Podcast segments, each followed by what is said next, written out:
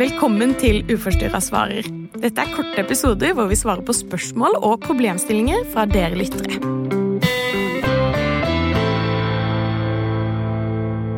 Velkommen i studio, Maria. Takk for det.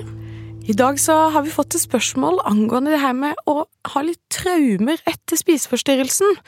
Og så har vi fått et spørsmål her som, eh, som er fra en som sier at uh, hun sliter veldig med at uh, hun kjenner mye på engstelse og sorg og lengsel etter å ha hatt en spiseforstyrrelse i flere år, og nå er i tilfriskning. Så lurer hun liksom på er dette vanlig å sitte med den følelsen av at åh, jeg har gjort meg selv vondt, jeg har gjort andre vondt, hva, hvor går jeg videre herfra? Mm.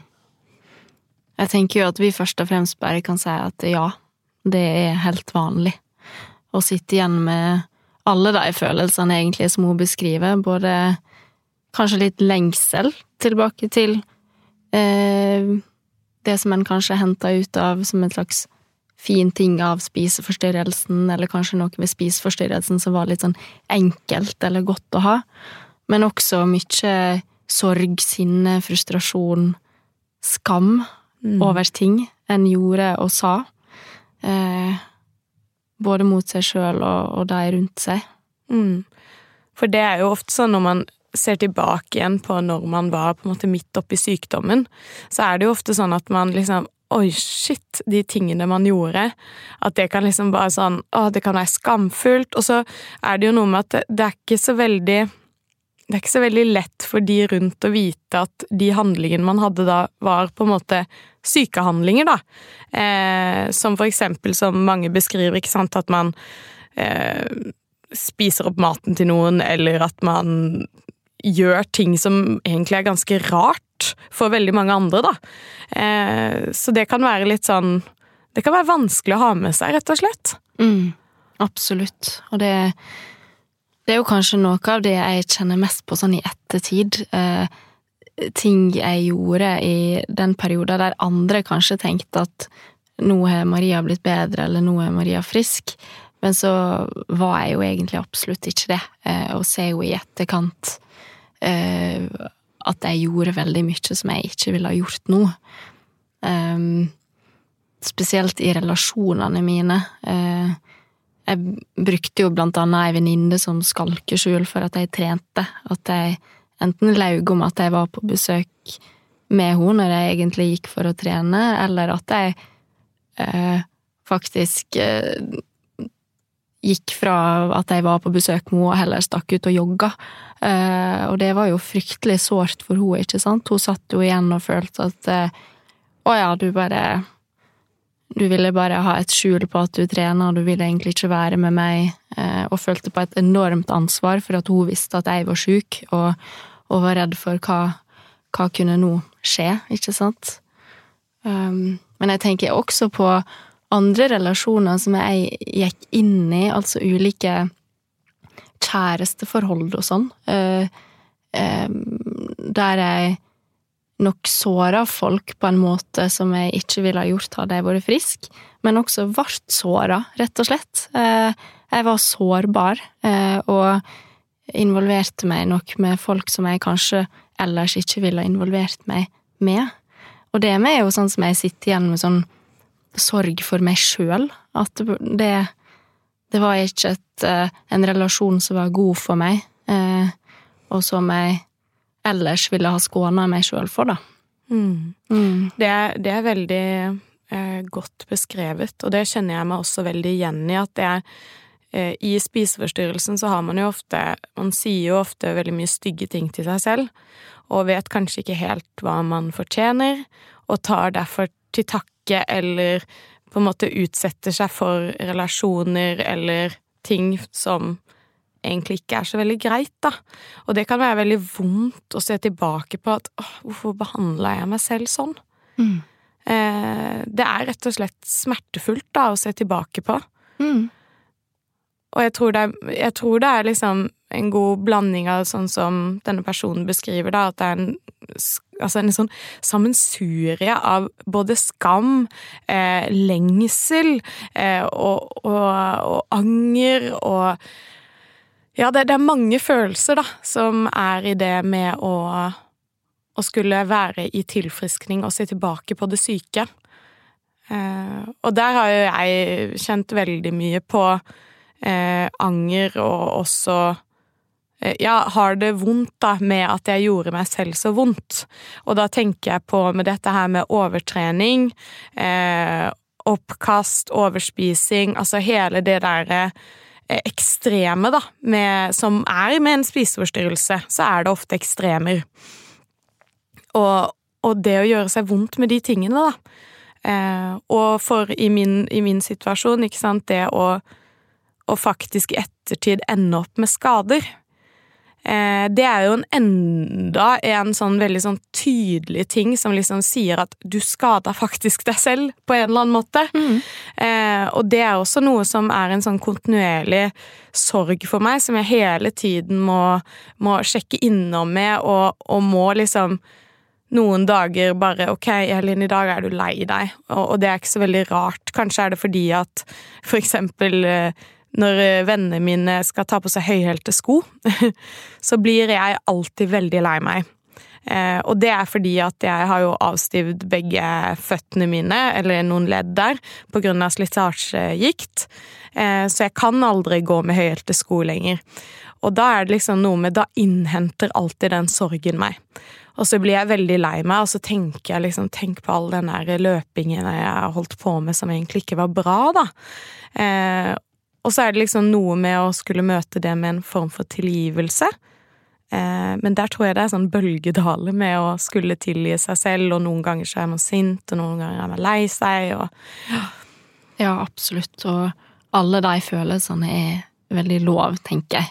Og øh, at det ligger, det ligger mye sorg i, i å ha hatt en spiseforstyrrelse, kanskje ting en har gått glipp av, ting som en som er uopprettelig, enten i seg sjøl eller i relasjoner til andre.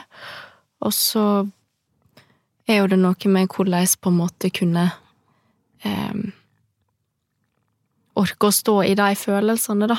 Mm. Um, og finne en slags ja, aksept i det, som du sier, og erkjennelse for at eh, jeg var faktisk sjuk. Mm. Eh, det, det, var ikke Selv om ja, det, det, var jeg som gjorde det, og det var på sett og vis mine valg, men, men det var det var valg jeg gjorde da jeg var sjuk, og som jeg absolutt ikke ville ha gjort i dag, og som jeg skulle ha gjort alt for å ta tilbake igjen, men, men det får jeg ikke gjort, så hvordan kan jeg på en måte jobbe med å tilgi meg sjøl, da? for det. Mm. Mm.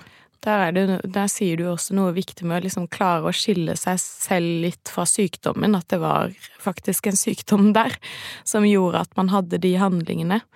Eh, en liten sånn digresjon, eller hva jeg skal si, men, men eh, jeg bare fikk, eh, fikk, et sånt minne av at, eh, at jeg husker at jeg dreiv ofte sånn når jeg var midt i eh, sykdommen på sitt verste, da, eh, så husker jeg at jeg drev og spiste epler, men jeg tok bare ett bit av hvert eple. Så det lå epler overalt med ett eller to bit i, eh, og, og, det kunne man finne på de rareste steder rundt om i huset. Og jeg husker liksom bestevenninna mi som var sånn Hvorfor gjør du det her? Altså, hvorfor har du Nei, det vet jeg ikke.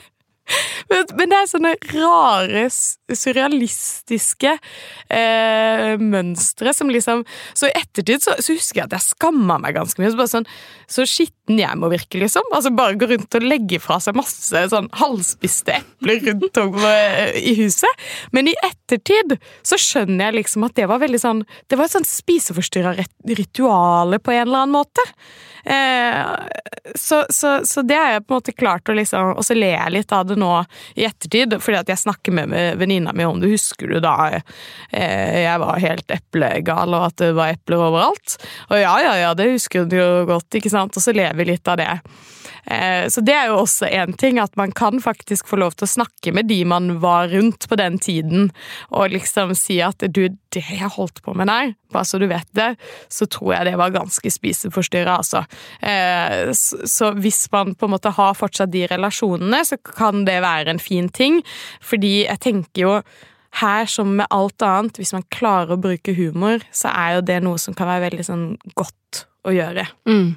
Ja, absolutt. Det, det, kan være forløsende. Og å snakke om det kan jo også gjøre at en gradvis over tid kan få slippe litt av den, den skammen en bærer på, ikke sant? Kanskje ved at de rundt også bekrefter at vi, vi skjønner at det egentlig ikke var, var deg. Vi skjønner at det var sykdommen. Eh, og, og den dårlige samvittigheten eller eh, den flauheten, den, den, tenker vi at du nå skal få lov til å slippe.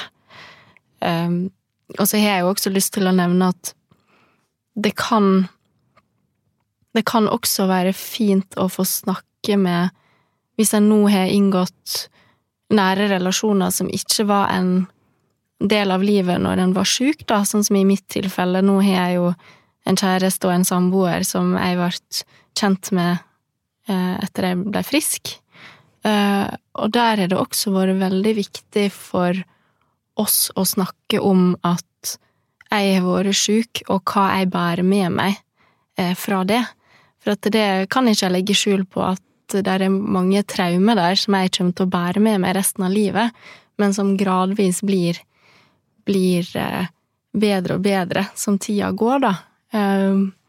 Men for eksempel så er jo søndag. søndag er fortsatt en helt forferdelig dag for min del.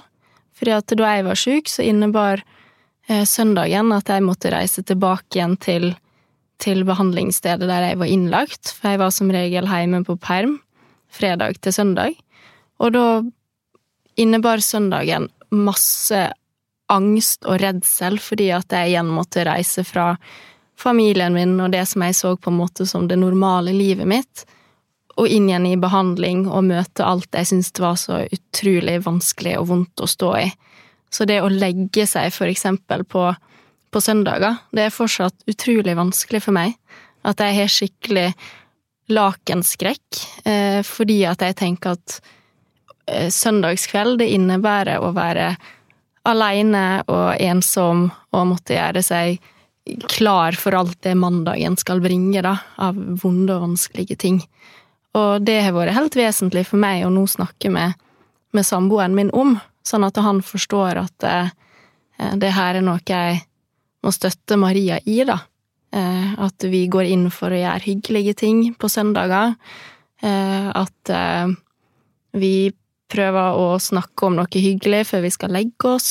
Eh, og at han aksepterer at, eh, at, det kanskje blir rett og slett litt mindre søvn, fordi at jeg sliter veldig med å finne roen og sovne inn søndagskveld, da. Um, og det er noe som, som jeg kjenner veldig mye støtte i, og at selv om søndagene fortsatt er vanskelig, så har de blitt bedre enn hva de var før. Og at de forhåpentligvis kan fortsette å bli bedre. Mm. mm.